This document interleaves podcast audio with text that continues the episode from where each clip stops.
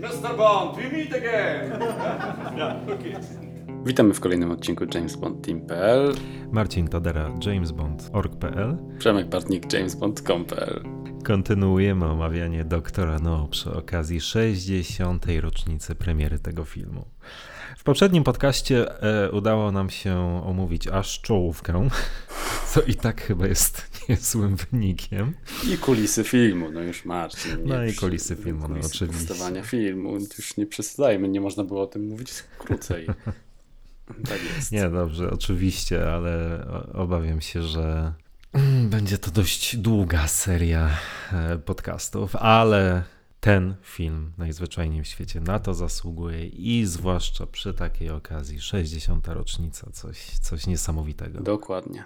No dobrze, ale to żeby nie przedłużać, jedziemy wprost do um, momentu, w którym przerwaliśmy poprzedni podcast, czyli tak jak mówiłem w czołówce, sylwetki ślepców naraz zamieniają się w um, prawdziwe postaci i trzech um, czarnoskórych, tajemniczych mężczyzn przemierza różne lokacje Jamajki. Mhm. U Fleminga to tylko taka ciekawostka, ci trzej czarnoskórzy mężczyźni, o których wspomniałeś, o których widzimy, których widzimy w tej scenie, to byli, jak to e, napisał Fleming, chińscy murzyni. Zgadza się. Czyli mm, właściwie to nie, nie będę mówił czyli, bo to jest oczywiste. E, tak więc... bo cokolwiek bym nie powiedział, zabrzmiałoby chyba źle. W każdym razie byli to trzej e, chińscy murzyni. To oczywiście mm, ma pewne przełożenie na, na fabułę powieści. W filmie no, nie zostało to oczywiście dokładnie sportretowane w ten sposób. Natomiast w samej książce ten zabieg jest o tyle ciekawy, że John Strang Strangways, o którym za chwilę wspomnimy, na chwilę przed śmiercią uświadamia sobie, że coś w stylu, jakie są szanse, że trzej chińscy murzyni przepraszam za wyrażenie murzyni, ale tak to zostało przetłumaczone w książce, e, mogą być ślepcami. To była jego, jedna chyba jego ostatnia myśl, zanim, zanim zginął. Właściwie nie wiem, czy to w ogóle jest istotne dla podcastu, więc najwyżej to wytnij. W każdym razie, ci trzej ślepcy przemierzają różne lokacje Jamajki i trafiają do Queen's Club, gdzie jest rozgrywana partia brydża. Gdzie jest rozgrywana partia brydża. Queen's Club, czyli taki, jakby to powiedzieć, ekskluzywny klub dla mężczyzn mm, na Jamajce w Kingston, czyli stolicy tej wyspy. E, no i tutaj poznajemy jednych z głównych bohaterów tego filmu. Tak, w sumie e, bohaterów, którzy później się będą pojawiali w kolejnej części fabuły, bo mamy oczywiście Strangwaysa, który zawiązuje wątek w ogóle śledztwa tak naprawdę, który będzie prowadził Dokładnie. James. Mamy Antonego Dawsona w, mm, w roli profesora Denta. I to już jest niesamowicie ważna postać dla tego filmu. Tak, bardzo ważna, bardzo charakterystyczna. Ja uwielbiam go już w tej scenie. W ogóle ja z góry już przepraszam słuchaczy, natomiast ja tutaj o najdrobniejszej scenie tego filmu będę zawsze mówił, że ją uwielbiam. To jest mój ulubiony film. I tutaj takie momenty, nawet jak ta, ta gra e, ich w, w karty, miny e, Denta, które już w pewien sposób świadomego widza nakierowują na to, że coś jest z nim nie tak. On wie, że zaraz się coś stanie, albo że widać, że jest to pewnego rodzaju bad guy. I ja nie wiem, to jest, dla mnie to jest właśnie chyba magia tego montażu. Tutaj ta kamera ich tak fajnie pokazuje. Ja uwielbiam w ogóle stare filmy. I to uwielbienie do starych filmów e, wzięło mi się chyba z, właśnie z Doktora No tak naprawdę. Znaczy wcześniej też oglądałem jakieś e, klasyczne filmy, ale to jest po prostu sposób pokazywania tych, tych scen. To jest dla mnie coś, co, co mnie kupuje, to jest dla mnie magiczne po prostu i drobnostki, odjazdy kamery, cięcia montażowe. No, tu wszystko mi pasuje. No ale wracajmy e, do fabuły. E, jest Dent, jest Strangways, jest też gubernator, którego też będziemy później widzieć. I jeszcze ktoś przy stole. Strangways naraz przerywa grę, ponieważ musi, musi udać się do domu. E, przerywa grę jak każdego dnia o tej samej porze, w tym samym momencie. Przerywa grę i zostawia swoich partnerów celu, o którym oni nie wiedzą, z którego nie zdają sobie sprawę. Natomiast my, jako widzowie, wkrótce mamy się dowiedzieć, że John Strangways jest e, rezydentem MI6 na, na Jamajce i opuszcza swoich partnerów, ponieważ zawsze o tej samej porze, dokładnie o tej samej porze, musi złożyć raport do centrali. Udaje się do samochodu e, i tam właśnie e, mija trzy ślepe myszki. Chyba nawet wrzuca im coś do, do puszki. Natomiast za chwilę dostaje strzał plecy i też jest mhm. tutaj e, magia montażu, o którym mm, mówiłem. Tu naraz ten film nabiera takiej od razu niesamowitej dynamiki w montażu. Tu widać, że jest szybkie zabójstwo. Oni mówią szybko, szybko. Tu jest montaż. Jedna scena, druga. E, mega szybkie cięcia, e, przesunięcie tak. kamery. Podjeżdża karawan. Wrzucają to ciało Strangwaysa i, i odjeżdżają. I mamy przeskok do, do kolejnej też świetnej sceny. Tak, i tutaj już mamy też kilka charakterystycznych dla tego filmu e, motywów, motywów czy elementów, które przesądziły o sukcesie tego filmu. To, o czym wspomniałeś przed chwilą, czyli ci trzej ślepcy przemierzający Jamajkę, Warto, znaczy trzeba właściwie powiedzieć, że to, to jest rzeczywisty plener, czyli film ten faktycznie kręcony był na Jamajce. Co jest akurat istotne o tyle, że w tamtych latach wcale nie było to takie oczywiste, e, że filmy powstawały w miejscach, o których opowiadały. To znaczy, do dzisiaj często stosuje się lokacje za, zamienne, również w serii bondowskiej. Natomiast sam fakt, że ten film kręcony był na Jamajce, dodaje temu filmowi tak niesamowitego kolorytu i takiej egzotyki i dla ówczesnego widza, ale też dla dzisiejszego, że to jest jeden z powodów, z całą pewnością jeden z powodów, dla których ten film odniósł sukces i dla którego ja uwielbiam oglądać ten film do dziś, ponieważ tutaj też muszę się przyznać, że to nie jest mój numer jeden tej serii, ale jest w moim prywatnym rankingu bardzo, bardzo, bardzo wysoko. Dlatego też w tym film to jest kolejny podcast, przy którym chyba z góry możemy przeprosić za to, że będziemy film chyba, chyba głównie chwalili i bardzo często będziecie z naszej strony słucha, słyszeli określenia typu zachwycający, fantastyczny, wspaniały, no bo taki jest po prostu Zdecydowanie.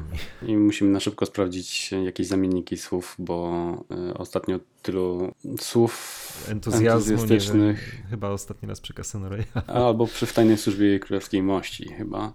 Albo przy W Tajnej tak, Służbie. Ale tak. tutaj będzie zdecydowanie podobnie to jest jeden z tych filmów w tej serii, w których no my, może inaczej, zdajemy sobie sprawę z pewnych mankamentów, bo o tych też porozmawiamy, ale one absolutnie nie mają żadnego przełożenia na, na, na odbiór całości. Dokładnie. I drugim z tych elementów. Dokładnie. No ale dobra, jedźmy do. Mówić, drugim mhm. z tych elementów, który Poniekąd już widzimy w partii Bridge'a, z całą pewnością widzimy, widzimy w, w, scenie e, zabójstwa Strangwaysa i teraz w tej scenie, ponieważ przenosimy się do, do domu Strangwaysa, mm, to jest suspens. Dokładnie. Fantastyczny, fenomenalny, genialny suspens. Ten film jest... E, są sceny, w których ten, ten, ten suspens jest, suspens jest wręcz namacalny. Pomimo tego, że jest on budowany bardzo często stosunkowo e, prostymi środkami, albo może właśnie dlatego, że jest budowany stosunkowo prostymi środkami, jak tutaj, bo widzimy asystentkę Strangwaysa, czyli Mary Trueblood, która zerka nerwowo na zegary. E, I ona tutaj gra też tak mega przesadnie okazując e, to zaniepokojenie. E, to jest tak bardzo widoczne, wręcz może nawet trochę nadekspresyjne, naturalne, ale to też ma swój duży urok. Ja bardzo lubię tą, tą scenę i ten suspens, o którym powiedziałeś, jest tutaj widoczny też i dzięki niej, i znowu dzięki fantastycznemu montażowi, bo to, co robi tutaj kamerzysta, jest też fenomenalne, bo naraz kamera dostaje takiego szybkiego obrotu. Nie ma cięcia, tylko jest szybki obrót, i widać jak zabójcę jednego za oknem. Jest krzyk sekretarki, i kamera nadal nie ma cięcia, tylko jest kolejny szybki odwrót, a tu kolejny zabójca, i cięcie rozbita szyba i strzał z jeszcze jednej strony i sekretarka ląduje na dywanie I za chwilę są kolejne dwa fantastycznie klimatyczne momenty, o których zapewne chciałeś powiedzieć. Ja jeszcze tylko chciałem powiedzieć a propos twojej oceny e, gry Dolores Keator, bo tak się nazywa aktorka, która wcieliła się w rolę Mary Trueblood, że to tak naprawdę żadna aktorka. E, ona, ja nie wiem, czy ona się w jakimkolwiek filmie poza Doktorem No pojawiła, a w Doktorze No pojawiła się dlatego, że była właścicielką domu, w którym kręcono tę scenę, e, więc... O kurde, tego nie wiedziałem. Więc w pewnym sensie hmm, była to transakcja wiązana. Mhm. Stąd też twoje słuszne odczucie odnośnie jej umiejętności aktorskich, no bo aktorką była, jak już mówiłem, żadną. Ale zapisała się w historii kinematografii. Mhm. Z przytupem. Dokładnie. Jest e, ewidentnie pamiętną, mm. pamiętną postacią w, e, w tym filmie i w tej sekwencji początkowej, jak możemy ją tak myślę, że nazywać. No ale tu jest też ten element, o którym myślałem, że, że będziesz chciał powiedzieć. Myślę, że na pewno chciałeś powiedzieć. I tu jest też bardzo fajnie prowadzona ta fabuła i tu zabójstwo, podejście do, do szafki z dokumentami, jakby i wyjęcie dwóch ważnych teczek, które mówią nam już coś o fabule i jakby kumulują tą tajemnicę, która się tutaj buduje. I to jest jedna teczka o nazwie Krapki, a druga Doktor tak No. I ta muzyka, i ja już mam wszystkie włosy mi na ciele tak. stoją. I po prostu fantastyczne kolejne przejście, tym razem już do Londynu. Tak. Do Londynu znajdujemy się w siedzibie MI6, gdzie operator bezskutecznie próbuje wywołać Jamajkę. To się nie uda, w związku z tym składa meldunek o braku sygnału. Ja lubię tą scenę, znaczy ja uwielbiam tą scenę. I ja uwielbiam tą scenę. Nie potrafię, nie potrafiłbym, nawet gdybym chciał, nie potrafiłbym chyba zdefiniować za co, ale jest w niej coś, jest w niej coś coś wyjątkowego. Tam jest takie fajne napięcie, choć pozornie dzieje się tam niewiele, ale no, no jest rewelac kolejna rewelacyjna w swojej prostocie scena, ale tak jak mówię, nawet gdybym chciał, to nie potrafiłbym precyzyjnie wskazać elementy za co. Po prostu mhm. jest genialna jako całość. Mm, dokładnie. Ja, ja postaram się troszeczkę e, powiedzieć, za, za co ją lubię, ale tam tak, po pierwsze scenografia już tej sceny mi się tak. podoba. Mhm. Ci telegrafiści, jak ich e, nazwać, nie wiem, e, radiooperatorzy. Tak może tak? Mhm. To jest fajny pokój taki kontrolny, przy którym mm, siedzą różne osoby w, w, słuchawkach. Z tego pokoju jakby wylewa się klimat lat 60. Ja sobie zawsze tak wyobrażam lata 60. w jakimś biurze, tam tak właśnie wyglądających facetów w takich okularach, dokładnie w takich koszulach i w takich krawatach. I ten klimat to jest dla mnie, znaczy w pewien sposób to obśmiewam, ale ja to totalnie uwielbiam, kiedy gość wywołuje kogoś przez radio, e, nie ma odpowiedzi, więc wciska przycisk po to, żeby przyszła sekretarka bądź jakaś pani pracująca dwa metry dalej, która przychodzi, dostaje karteczkę i zanosi ją dwa metry dalej do kierownika, który znowu czytając tą karteczkę podchodzi znowu te dwa metry do, do tego gościa kto, w tym samym pokoju. Tak? To jest Y, ogólnie prześmieszne. Można by tam mocno zredukować etaty, tak mi się wydaje, ale, ale ma niesamowity klimat, naprawdę. I tak i nie, bo tego oczywiście w filmie pewnie nie dało się tak do końca pokazać, natomiast jeśli będziesz czytał, e, czytając Doktora No, sama ta scena podjęcia próby wywołania rozmowy, czy nawiązania e, kontaktu e, ze strony Mary Trueblood jest tak rewelacyjnie opisana. Fleming poświęcił jej mnóstwo miejsca, opisując precyzyjnie czas, jaki e, operatorzy mieli na podjęcie określonych działań. Co się stanie, jeśli e, Strangways nie pojawi się, co się stanie, jeśli Strangways spóźni się o, nie wiem, minutę, dwie, e, że będzie już praktycznie, wiesz, mm -hmm. na świeczniku, mm -hmm. że mhm. nie można do tego dopuścić.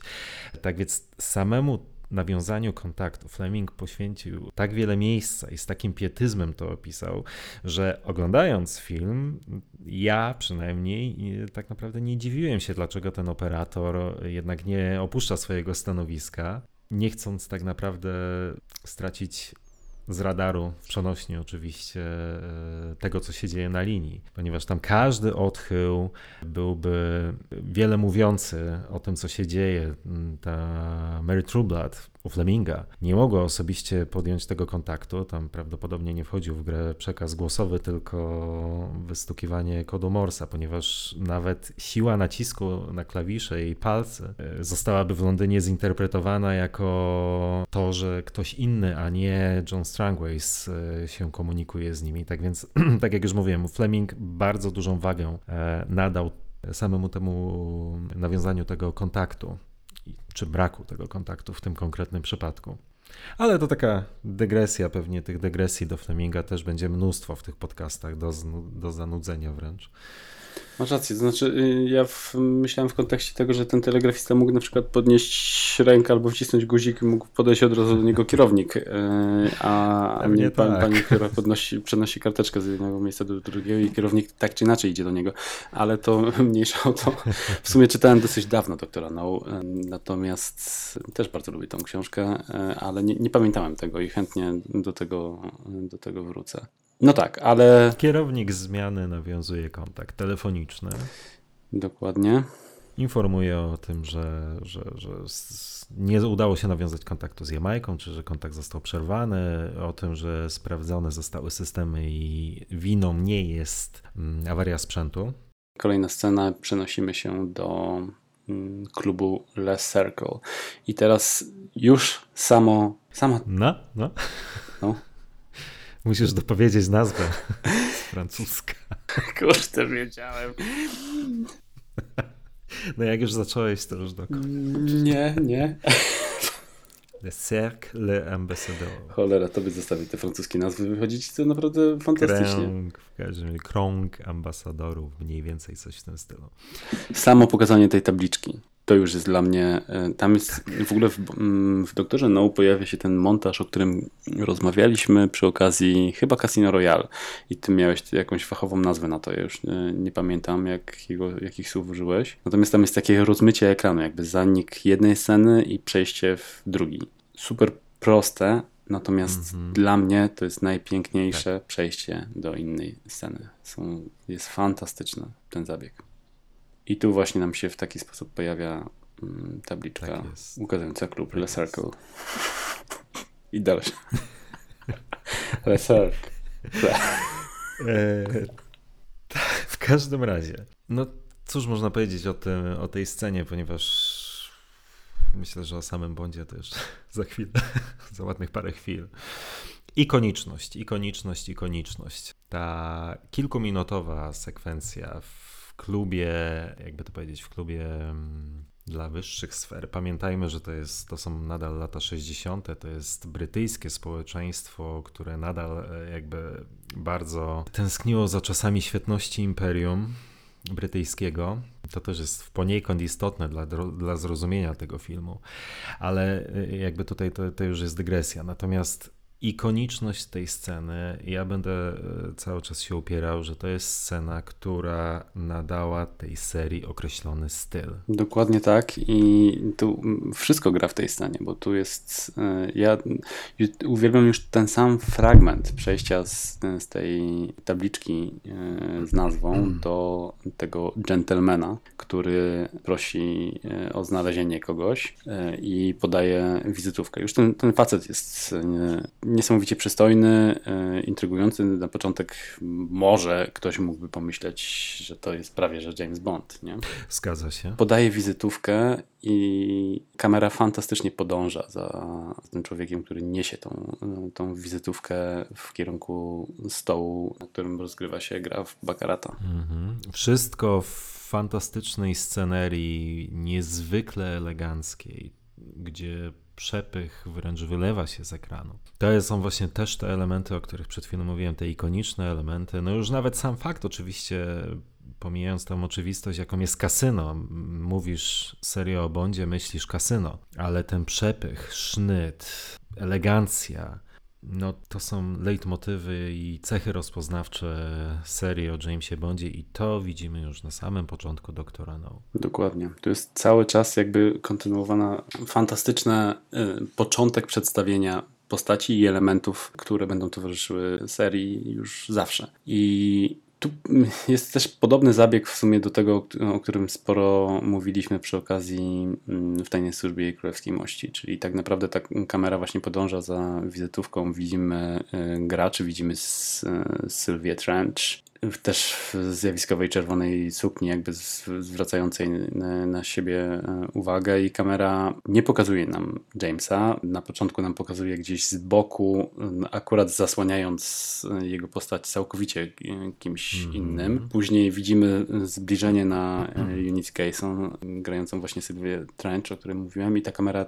odjeżdża on, od niej też w fantastycznym, klimatycznym ujęciu i zaczynamy, już, już widzimy tył i troszkę boku postaci, z którą toczy pojedynek tak naprawdę w, karty. I też cały czas nie widząc twarzy, ale widzimy już na przykład dłonie i te dłonie Jamesa, które rozdają karty, to po nich już widać tak niesamowitą pewność siebie. Ja uwielbiam to, to, to jego rozdawanie i ta, ta scena po prostu jest dla mnie e, nieprawdopodobna. No a w momencie, e, kiedy te ręce rozdające karty sięgają po papierośnicę i wyjmują papierosa, jest wkładane do ust i, i nagle słyszymy dla mnie najważniejszą i myślę, że też spokojnie można by powiedzieć, że dla kinematografii jest to jedna z najsłynniejszych scen w dziejach. Wymówienie słowa Bond, James Bond, które następuje jeszcze w sumie może pośpieszyłem się za, za bardzo, bo e, na początku jest ten jeszcze dialog, który rozpoczątkowuje tak naprawdę Sylwia Trench. Chwilę wcześniej jeszcze słychać e, głos już naszego bohatera, który mówi podziwiam pani e, odwagę pani i w tej chwili Sylwia Trench przedstawia się w sposób, który później nie wiem w sumie, czy jest przejęty przez, przez Jamesa, czy gdyby nie Sylwia, to James też by się tak przedstawił, ale Trench, Sylwia Trench. I ja podziwiam pana szczęście, panie. I następuje właśnie to wyjęcie papierosa w do ust Bond, James Bond z papierosem w ustach. To jest najlepsze zdanie wypowiedziane najlepsze przedstawienie Bonda dla mnie w serii. Connery robi to po prostu bezbłędnie. Tak, tak. Ale sam faktycznie ten, ten fakt, o którym wspomniałeś, jest y, dość ciekawy i też ja nie ukrywam, że hmm, wydaje się to być oczywistością, ale e, mi załapanie tego, że Bond, James Bond to jest tak naprawdę parafrazowanie sposobu przedstawienia Sylvie Trench mi też trochę czasu zajęło. Tak jak w Casino Royale e, Bond przedstawia się Bond James Bond po tym jak, znaczy no nie bezpośrednio, ale tak jak wcześniej e, przedstawia się Mattis. A też jest Mattis, René Mattis. Więc w sferze Craiga Bond przejmuje sposób przedstawiania się po Matisie, a tutaj po Sylvie Trench. To jest też rewelacyjna ciekawostka, bardzo fajny pomysł. No mhm. i sama Bond. To oczywiście nie do końca może tak być, nie? Bo nie wiem, tak można odebrać takie wrażenie, ale może tak po prostu każdy się wtedy przedstawiał. No tego już nie wiem, ale koniec końców jakby nie było, no dostaliśmy kolejny ikoniczny, nierozerwalny i momentalnie kojarzony z tą serią motyw, czyli sposób, określony sposób przedstawiania się Jamesa Bonda. To też jest fenomen, ponieważ to, że Bond się przedstawia właśnie w ten sposób, w ten sposób wiedzą wszyscy. Nie trzeba być fanem serii. Nawet ba, można nie znać żadnego z filmów tej serii, Dokładnie. ale każdy, ale absolutnie każdy wie, że James Bond przedstawia się właśnie w ten sposób. Dokładnie tak. Absolutny fenomen. Fenomenalna scena, przepięknie e, nakręcona. Mistrzostwo świata, piękny smoking Shona i suknia e, Sylvie Trench. Ta ich wymiana zdań, spojrzeń, tego flirtu tak naprawdę, e, zarówno mm -hmm, karcianego, tak. jak i tych takich zaczepnych gadek. Później ten moment wstania od stołu i kontynuacji rozmowy z Sylwią jest też, ja naprawdę uwielbiam. Ten sposób, w jaki E, oni dalej flirtują, jakby już umawiając się na kolejne spotkanie, na golfa. To jest też świetna linia dialogowa. Sean tam wygląda i porusza się w taki sposób, że to się w głowie nie mieści. To, co jeszcze totalnie uwielbiam, to jest y, to już umawianie się na kolację, y, że najpierw na golf, a później kolacja, super. Czy mogę do pana zadzwonić rano? Tak. To jest splendid. I podanie wizytówki dziewczynie, która ma do ciebie zadzwonić rano. po prostu absolutnie uwielbiam. Nigdy bym sam tego tak nie zrobił. No coś. Ale uwiel uwielbiam mm, patrzeć na tą scenę i na tego pewnego siebie e, gentlemana. Gentlemana, tak samo jak chwilę później sposób, w jaki Bond wręcza napiwek osobie, która otwiera mu drzwi. Tak. Geniusz. Nie, ta scena to jest, to Dokładnie jest po tak. prostu geniusz. No, od początku do końca tutaj wszystko, ale to wszystko gra. Zagrało idealnie. Idealnie. Mhm. Dokładnie tak. Dokładnie tak. No, ale przenosimy się dalej do... Tak, ponieważ o tym, o czym chyba nie wspomnieliśmy, Bond dostaje wiadomość. Wiadomość od gentlemana, którego widzieliśmy na samym początku tej sceny. I jest to wezwanie do, wezwanie do stawienia się w siedzibie MI6. Dokładnie. No i y, teraz o dziwo przechodzimy do kolejnej kultowej sceny, nawet dwóch. Nawet dwóch. Więc otwierają się drzwi od windy. Wchodzi James i otwiera kolejne drzwi i rzuca kapeluszem na wieszak, co jest już kolejnym elementem, który będzie też bardzo często powtarzany w, e, w serii i też można go jak najbardziej e, określić mianem ikonicznego. Zdecydowanie tak. I poznajemy pannę Moneypenny, Lois Maxwell, która jest w tej scenie po prostu mm, ich relacja, ich dialog i to jak ona tutaj zresztą wygląda. Ja absolutnie uwielbiam tą postać i całą tą scenę, bo ten jakby ich taniec na obkręcanym fotelu, to przytulanie się, e, to jest coś no, niesamowicie fajnego. I kolejny motyw, który towarzyszy tej serii, e, no niemal po dzień dzisiejszy. To też jest po prostu fascynujące, że ikoniczna mogła stać się scena rozmowy z sekretarką szefa, szefa MI6, konkretnie w tym przypadku. E, Coś tak banalnego i błahego wydawać by się mogło, stało się nieodłącznym elementem tej serii na wiele, wiele, wiele Mhm. Dokładnie. To nikt sobie nie wyobraża praktycznie e, filmu o Jamesie bez panny Moneypenny i bez tych takich fajnie ciepłych, udawanych zalotów. E, A nawet udawanych, nieudawanych. W każdym Mhm. razie No właśnie, udawanych, nieudawanych, bo to też jest pewnie temat na oddzielny podcast, czyli Dokładnie. relacje Bonda z, Bonda z Money Penny różnymi, e, w różnych interpretacjach różnych aktorek. Mhm. A tu jest też ciekawa sprawa w dodatkach. Wczoraj gdzieś e, właśnie Lois Maxwell opowiadała, że tak sobie wymyślili zarówno z Terencem, jak i Seanem taki background ich re relacji, że oni kiedyś spędzili ze sobą czas na jakimś bank holiday czy coś takiego i fantastycznie e, miło ze sobą rozmawiali, ale ona w 100% wiedziała, że prędzej czy później złamie jej serce, a on wiedział, że e, angażując się w związek z, nią nie dostanie statusu 00. O, E, I tak, tak sobie o tym e, jakby myślała podchodząc do, do roli, co jest A. też fajnym, fajnym jakimś pomysłem zbudowania takich ich relacji. No. no, tak.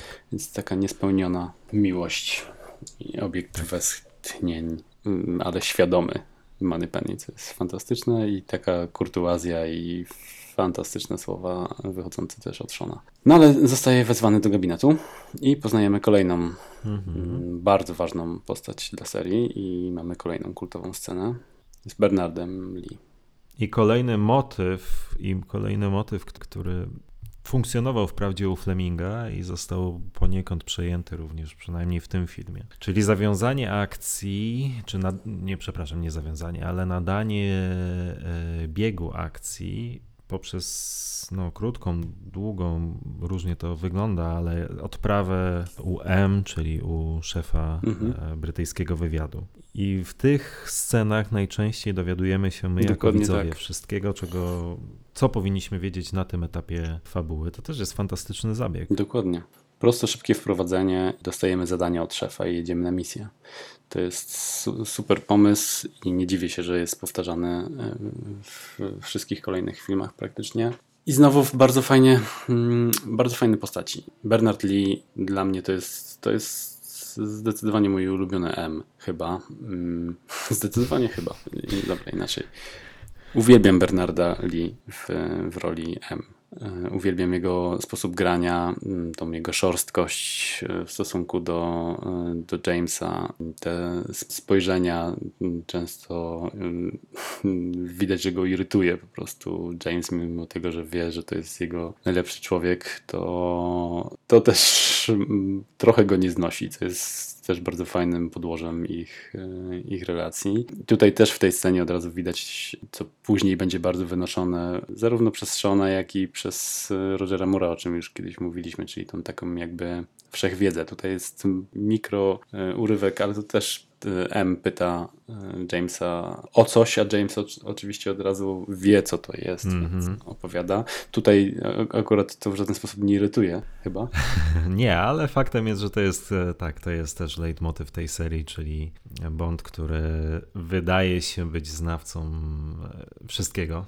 W tym przypadku mówimy o czymś tak technicznym, jak, jak no to zależy od tłumaczenia, ale zbijanie żyroskopu bodajże. Ta pozorna wszechwiedza Jamesa Bonda jest jednym e, z elementów, które również przewijają się przez serię i tak jak słusznie zauważyłeś, ona później będzie znacznie intensywniej i bardziej denerwująca w erze e, Rogera Mura wykorzystywana. Natomiast na tym etapie to jeszcze raczej jest tylko takie fajne podkreślenie profesjonalizmu mm, agenta 007. Mhm, dokładnie. No i co ciekawe, poza kolejną postacią, o której mówimy jako mm, o M, charakterystycznej dla serii, też mamy tutaj kwatermistrza. Jest to trochę nietypowe mm, o tyle, że to jeszcze nie jest Q, Desmond Llewellyn, mm -hmm. ale jest to taka namiastka. Q, którego znamy e, z następnych części. Bo... E, tak, no tutaj oczywiście mm, Peter Burton, e, bo, bo tego aktora widzimy na ekranie, wciela się w postać majora, majora Boothroyda, mm, czyli postaci, która również pojawiła się w tej scenie e, u Fleminga. Ta scena jest też o tyle istotna, że mm, zostaje zaprezentowany kolejny nierozłączny element tej serii, e, ponieważ widzimy tutaj zmianę, wymuszoną zmianę broni osobistej, jaką posługuje się James Bond. Nie do końca oczywiście znamy kontekst, albo inaczej, znamy kontekst, ale w takiej bardzo uproszczonej wersji, ponieważ e, wiemy, dowiadujemy się od M, że wcześniejsza ulubiona broń Bonda, z którą tak ciężko przychodzi mu się rozstać, czyli Beretta, zacięła się w jego poprzedniej misji, w trakcie jego poprzedniej misji, w konsekwencji czego spędził pół roku w szpitalu. I konsekwencją tego jest właśnie ta e, wymuszona zmiana broni, na co Bond przystaje bardzo niechętnie, e, ponieważ próbuje argumentować, że z Berety nigdy nie chybił. Mm, natomiast no, siłą rzeczy, e, nie siłą rzeczy, ale no, siła argumentu M e, jest tutaj bardzo przekonująca, ponieważ Bond dostaje do wyboru albo, albo faktycznie się podporządkuje i zmieni broń, no albo wróci do standardowych zadań wywiadowczych, z czego najwyraźniej nie jest, e, nie byłby zadowolony. Z czego najwyraźniej nie byłby zadowolony, dobrze powiedziałeś. Z czego najwyraźniej nie byłby zadowolony, tak. No i cóż, i dostaje Waltera PPK. Tak, ja bardzo w ogóle lubię tą wymianę e, zdań i lubię to, że mm -hmm. jakby on nie oddaje tej berety bez mrugnięcia okiem. On to widać, że to jest jego ulubiona broń. On miną bardzo gestykuluje, że mu to zupełnie nie pasuje. Jak słucha wykładu kwatermistrza na temat berety, to później słyszę, że z, fajna jest grabna w damskiej torebce, ale mała siła ra, rażenia i on fajnie właśnie się nie zgadza z tym, że od 10 lat nie, nie chybił, świetna broń i tak dalej. Nie? Więc to, to jest fajne i fantastycznie e, jest to rozegrane też, jak przyjmuje do wiadomości, no bo przecież nie będzie zajmował się zwykłymi zadaniami i chowa nowy pistolet do, do kabury, ale jednocześnie jakby cały czas pamiętając, że jego ulubiony pistolet jest w pudełku, który, którym przed chwilą przyniósł e, kwatermistrz i to pudełko zabiera z sobą. I uwielbiam ten moment, kiedy M, nie podnosząc wzroku nawet, tylko mówi tam 007 leave the Beretta. Tak I to jest też pokazuje jak M dobrze go zna i to jest bardzo fajne. A jeszcze jedno, co mi się przypomniało, o, o czym też nie mogę nie wspomnieć, to też to mm, cały czas jakby, tutaj mamy cały czas prezentowane taką introdukcję bohatera, w sensie pokazanie tak. Jamesa. I ja też, mhm. to było w tej scenie zarówno w kasynie, jak i w przedsionku do gabinetu M i w rozmowie z, z Manny Penny, jak i u M. I uwielbiam ten fragment, kiedy on wchodzi na samym początku do jego gabinetu i M mówi kiedy ty sypiasz 007? A on taki wyprostowany, nigdy w czasie pracy, sir. I to jest po prostu... tak, to jest bezbłędny tekst. Fantastyczne. Bezbłędny tekst. Ja jeszcze tylko, jeśli, e, jeśli nie masz nic przeciwko, chciałem na chwilkę jeszcze tylko wrócić do Petera Bartona, który mm, wciela się w Majora Boothroyda. Bo o ile Desmonda Llewina wszyscy uwielbiamy i kochamy, ponieważ on był związany z tą serią od e, no, przez ładnych kilkadziesiąt lat, aż do świata to za mało, kiedy to pojawił się po raz ostatni na ekranie. Jakby to teraz powiedzieć, żeby być dobrze zrozumiałym. Jak najbardziej kupuję postać majora Boothroyda w interpretacji Petera Bartona. To jest e, zdecydowanie bardziej poważna postać niż ta, którą interpretował mm-hmm. Lewen. Le, Lewen. Le, le, le, Lewen. Zdecydowanie bardziej poważna, e, taki sztywny trochę, ale profesjonalista w pewnym, w pełnym calu. Mhm. W, pełnej krasie. Tutaj nie mam mrugania okiem do widza. Tutaj to jeszcze nie jest ten moment, w którym e, interakcje Bonda i Q to był taki przyczynek do gagów, uszczypliwości, utarczek słownych i tak dalej, i tak dalej, czy comic reliefów. To jest taka chłodna, służbowa wymiana zdań i Gdyby tak zostało, oczywiście stracilibyśmy bardzo, że użyję znów tego słowa, ikoniczny moment serii. Natomiast nie miałbym nic przeciwko temu, gdyby taki typ relacji był kontynuowany w, w późniejszych filmach. Mhm. Znaczy wiem o co ci chodzi, bo to jak najbardziej o wiele pasuje do mm, poważnego, poważniejszego tonu bardziej i taki powinien być kwatermistrz, tak mi się wydaje. I tu widać, że jest profesjonalistą tak. w swojej robocie, natomiast no ja jednak chyba na tyle lubię mm, Desmonda i mając na uwadze, bo jeszcze zgodziłbym się z tobą, jeżeli tak by zostało ok, ale bez gadżetów w kolejnych filmach. Mm, nie, oczywiście, tak, tak, tak, no to e, zgadzam się z mhm. tobą, no seria znalazła swój, swój styl w pewnym momencie i on był kontynuowany. No, widzowie to pokochali. Fajnie. Może ja się źle wyraziłem, może nie chodziło mi o to, że żałuję, że Desmond Llewellyn przejął pałeczkę po Peter, Peterze Bartonie. Co to, to, to nie, ale gdyby Barton związał się z serią na dłużej, to również mogłoby być dość ciekawe. Mhm, mhm pewnie.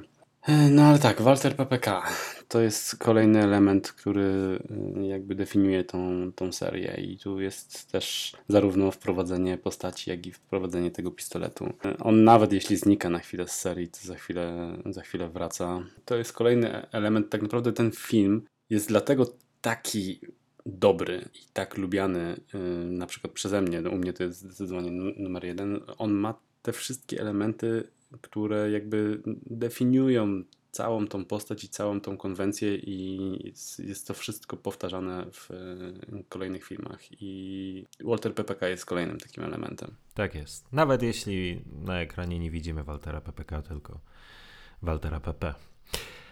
Dokładnie, dokładnie tak. To jest też ciekawostką. I teraz y, przypomniało mi się o czymś, o czym zapomniałem powiedzieć przy okazji Gunbarela, że też y, ciekawe jest to, że w Gunbarelu też nie ma Waltera, tylko Bob Simmons bodajże strzela z Smith Wesson, co też jest ciekawe. Bond no. z tą bronią. Ale to też jest fascynujące właśnie a propos tego Waltera PPK. To też jest fascynujące, na ile tak w zasadzie banalna rzecz jak broń potrafi stać się ikoną 60-letniej serii, tak? No bo to trochę tak jak u Fleminga. U Fleminga Bond nie strzela z pistoletu, strzela z pistoletu e, Walter PPK.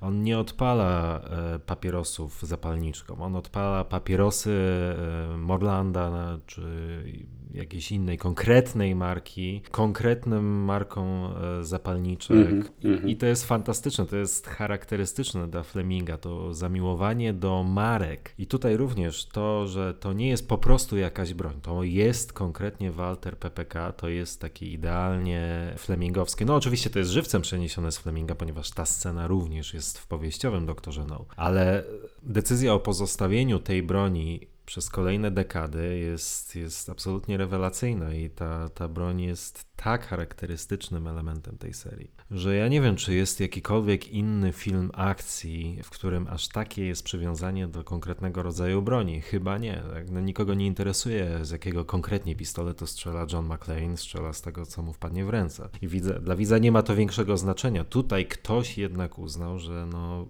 to jest ważne i to, to, może być, to może być istotne. Zostańmy przy tym Walterze i każmy mu strzelać z Waltera PPK, konkretnie z Waltera PPK. Nawet jeśli tak jak już słusznie zauważyłeś, ten, ten konkretny model pistoletu znika od czasu do czasu, to, to jednak wraca jak bumerang, no bo, bo jest po prostu kultowy. Mhm ten przykład bohatera, e, o którym powiedziałeś, mi nie przychodzi na, na myśl Brudny Harry i Magnum.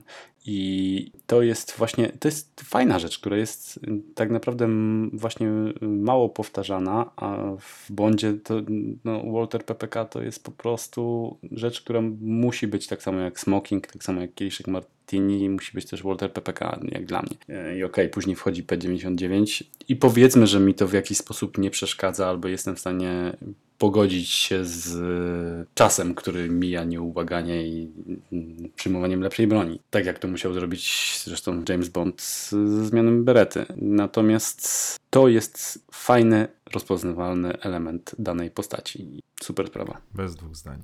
Okej, okay, ale ta scena istotna przede wszystkim jest dlatego, że tak jak już wspomniałem wcześniej, daje impuls do rozwoju fabuły i napędza tę fabułę, ponieważ M wysyła Bonda na misję. W tym miejscu film dość wyraźnie różni się od powieści, ponieważ w filmie dowiadujemy się z ust M, że Amerykanie mają problem ze swoimi rakietami, które ktoś w jakiś sposób narusza trajektorię lotu ich rakiet, co jest szczególnie niepokojące, zwłaszcza w kontekście tego, że Amerykanie oczywiście chcą wysłać człowieka na Księżyc. To też fajne wstrzelenie się oczywiście w, w, dobry moment, y, czy nawiązanie do konkretnego momentu w dziejach, bo e, ten rok 62, 61, kiedy ten film powstawał, no to to są początki programu Apollo. Program Merkury już, już trwa, zresztą co zobaczymy w późniejszych scenach filmu. Tak więc to jest też jeden z motywów serii, czyli taka próba wstrzelenia się z fabułą w to, czym aktualnie mhm. żyje świat. Wyścig zbrojen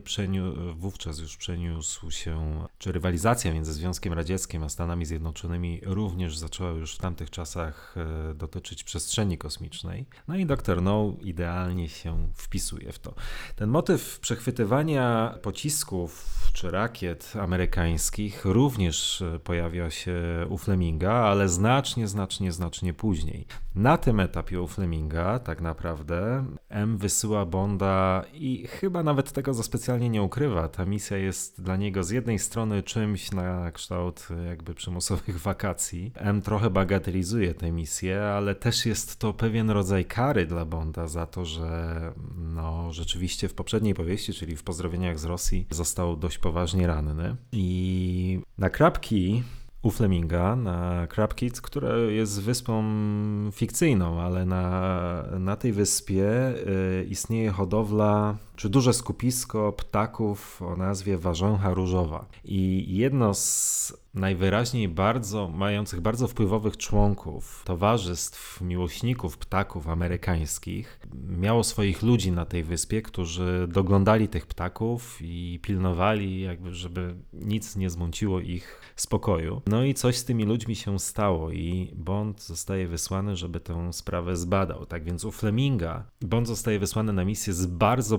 błahego powodu. Tak się przynajmniej może wydawać, z bardzo błahego powodu, bo tak jak już mówiłem, jest to coś na kształt kary dla niego za to coś, co, do czego dopuścił w poprzedniej powieści. Oczywiście to jest szósta powieść Fleminga, tak więc fani jego prozy wtedy no, z oczywistych względów wiedzieli, że za tym, e, za tym musi stać coś więcej, kryć się coś więcej i stawka tej powieści na pewno będzie dużo wyższa i tak oczywiście jest, ale o tym się dowiad dopiero dowiadujemy pod koniec książki. Natomiast no, myślę, że jako pierwszy film, film, który miał wystartować serię, no tutaj twórcy podjęli bardzo dobrą decyzję, żeby sednem filmu już uczynić ten problem z przechwytywaniem rakiet, ponieważ no, w ten sposób podbijają już na tym, w tym momencie podbijają stawkę i no myślę, że momentalnie e, przykuwają uwadze, uwagę widza, podczas gdy no myślę, że problem z ptactwem mógłby e, już tych widzów zniechęcić, nieznających prozy Fleminga, no bo takich zapewne na takich zapewne liczyli też e, twórcy filmu, że przyciągną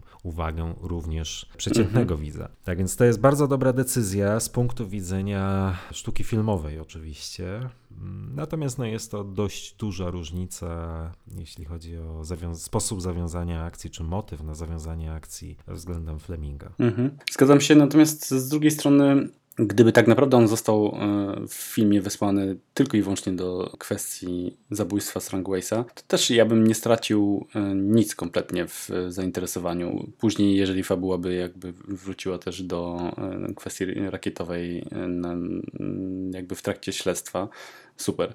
To też by mi wystarczyło jakby do zainteresowania tym filmem. To też tu, prawda. Mhm. Tak naprawdę cokolwiek bym nie powiedział w tym gabinecie, to, to ja i tak bym był zainteresowany.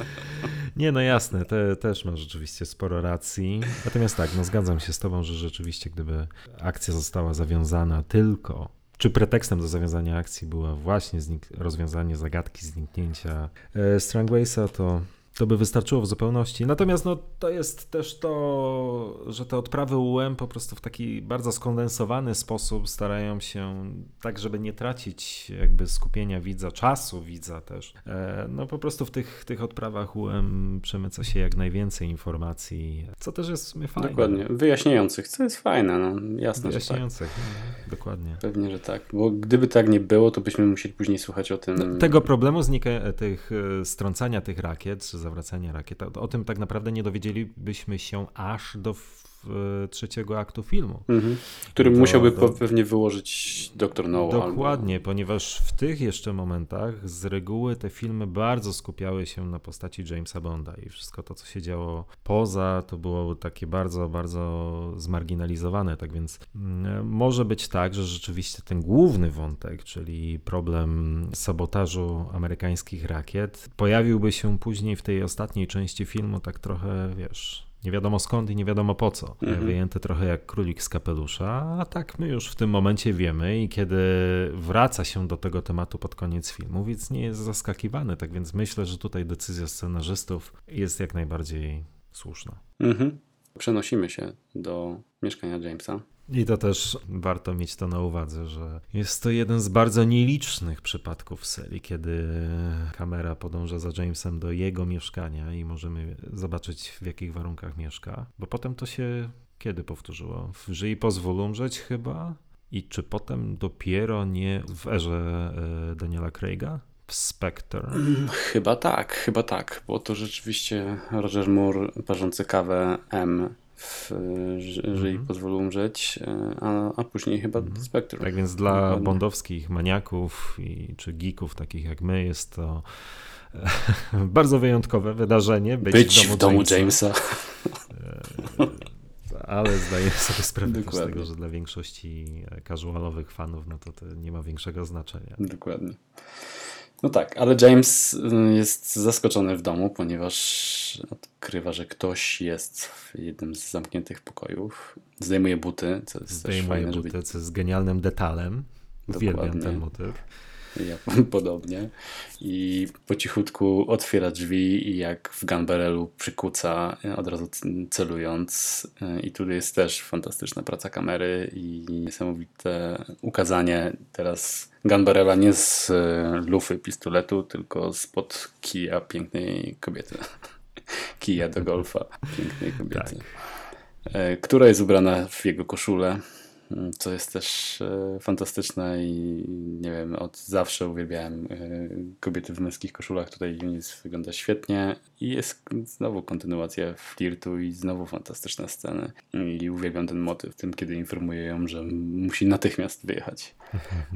Tak, nie, tutaj dialogi są rozpisane naprawdę rewelacyjnie, zwłaszcza to jak pyta się, czy, czy to, że weszła, czy znalazła się u niego w mieszkaniu i czy to był zły pomysł, bo on ją informuje, że pomysł miał świetny, ale pora nie, nie najlepsza. Mhm, dokładnie tak. Tak, w ogóle w sumie mm, cały ten dialog, każde słowo tutaj, ten początek, który e, ona mówi, że przyjęła zaproszenie na, na golfa, e, też e, super pomysł, bo wiadomo było od samego początku o co chodzi między nimi. Plus dalej z tym, że musi natychmiast wyjechać, a pocałunku stwierdza, że prawie natychmiast. prawie natychmiast. Ale jeszcze na chwilkę się zatrzymajmy przy Sylvie Trench, przy tej postaci, mhm. ponieważ mm -hmm. też myślę, że jest to postać trochę niedoceniana, czy często pomijana, no, a jest też fantastycznie napisana, bo relacje Bonda z kobietami w serii, zwłaszcza w początkowych jej latach, bywają dość e, czasami specyficzne i e, jakby to powiedzieć, no, nieprzystające do współczesności. Tak bardzo delikatnie. M, grana przez Judy Dench, oskarża Bonda o to, że jest mizoginem i tak mhm. dalej, i tak dalej. Wszyscy to oczywiście wiemy. Wiemy też znaczy, zdajemy sobie sprawę z tego, że nie wszystkie zagrywki w tej serii są akceptowalne z dzisiejszego punktu widzenia. I nie każda relacja Bonda z kobietami jest e, przystająca do współczesności. I często podkreślamy w tych podcastach, że na filmy o Bondzie, no mimo wszystko trzeba patrzeć przez pryzmat czasów, w jakich powstawał. Ale Sylvia Trench, czyli pierwsza kobieta Jamesa Bonda w filmowej serii, jest kobietą silną, niezależną, bogatą, wie czego chce i jak to osiągnąć. Jak osiągnąć. Mhm. I tak naprawdę można powiedzieć, że pod wieloma względami wyprzedza swoje czasy, a zwłaszcza jeśli porównać ją do ówczesnych innych kobiet Jamesa Bonda. Tak więc ten mizo, James Bond jako mizogin, o którym mówi Judy Dench, tak, ale i tutaj pewnie znajdziemy liczne wyjątki od tego, ale też znajdziemy liczne wyjątki od przedstawiania e, kobiet w bondowskiej serii jako tylko i wyłącznie ta e, słabe kobiety, kobiety podporządkowane Bondowi, uległe Bondowi i tak dalej, i tak dalej. A to jest pierwszy z takich właśnie przypadków. Dokładnie tak. Bardzo dobrze powiedziane. E, I też w ogóle. Dziękuję. Ta postać na początku. Na początku y, chyba gdzieś czytałem, że nawet y, było planowane, że ma się pojawić w sześciu filmach. O. Natomiast y, pojawiła się tylko jeszcze w pozdrowieniach z Rosji, co też jest fajne. Co też jest fajne. I, mhm. pojawiła. No z dzisiejszego e... punktu widzenia to można powiedzieć, że tylko albo aż. Dokładnie, bo niewiele kobiet miało, nie wiem jak to powiedzieć, ten przywilej. przywilej przywilej powrotu do tej samej roli. Tak? Dokładnie. Natomiast e, ja bardzo, ale to bardzo lubię Eunice w tej, w tej roli. Lubię tą jej brew, mm. która tak niesamowicie się wgina. Nie mam zielonego pojęcia jak, ale jest to fantastyczne. I to, co też zawsze nieprawdopodobnie mi się podobało w starych filmach, to kwestia pocałunków. Ja uwielbiam ten pocałunki z lat 60. I, i tutaj e, Sean e, z, razem z Unic też e, robią świetny występ, piękny pocałunek i no i lądujemy w samolocie. A tak naprawdę lądujemy samolotem. Tak. Samolotem, do którego odlotu, jak informuje go M w poprzedniej scenie, ma 3 godziny 22 minuty. A mimo wszystko Bondowi udaje się wrócić do domu, znaleźć czas dla Sylvie Trench i zdążyć na samolot. Słuchaj, od, odprawy były wtedy o wiele szybsze i pewnie nie trzeba było być dwie godziny przed... No i nie, i nie było pewnie korków, bo to, bo to noc, ale mimo wszystko jest bardzo zorganizowany. Dokładnie tak. Tak to ujmijmy. Ja tylko jeszcze, zanim przejdziemy do samolotu, ja jeszcze tylko chciałbym wrócić do motywu pokazania mieszkania Jamesa Bonda. Mm -hmm. Bo to, co mi się rzuciło też nie od razu, e, tylko przy jednym z tak naprawdę ostatnich seansów, to są te na ścianie rysunki samochodów. E, wiszące rysunki samochodów, które świadczą, czy podpowiadają nam, jakie, jakie James Bond ma pasję.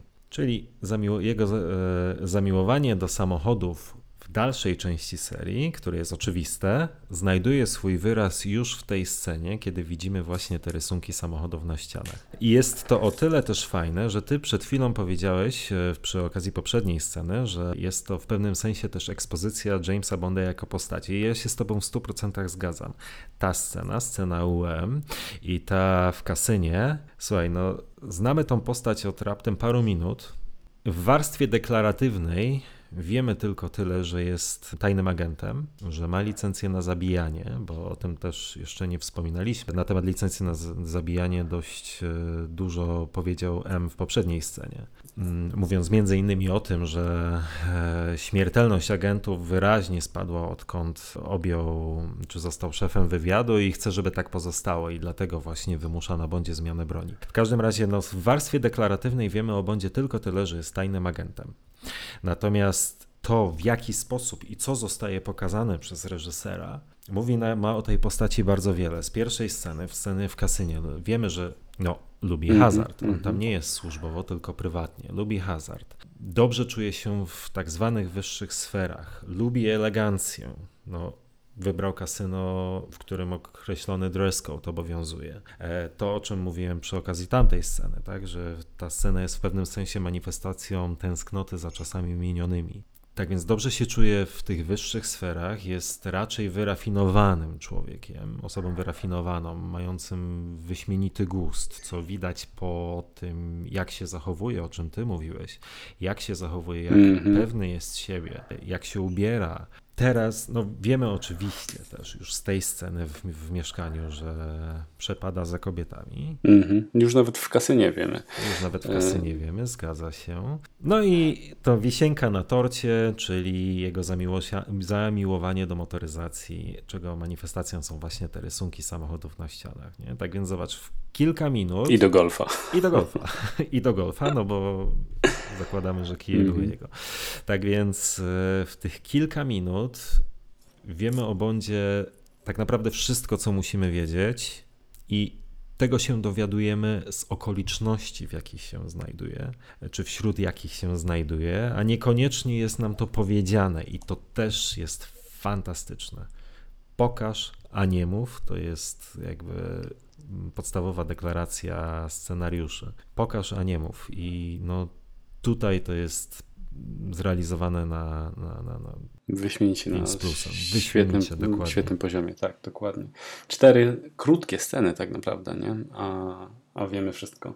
I w sumie jeszcze w kolejnych też będziemy mm, jakby poznawać go dalej i to jest no, to jest najlepsze przedstawienie postaci, jakie, jakie można sobie wyobrazić. Tak jest. Tak jest. Wsiadamy do samolotu, lądujemy na Jamajce i do zobaczenia w kolejnym odcinku podcastu James Bond Team.pl. James Bond Team.pl powróci. powróci z następnym odcinkiem poświęconym doktorowi No w 60. rocznicę premiery. Serdeczne dzięki i do usłyszenia.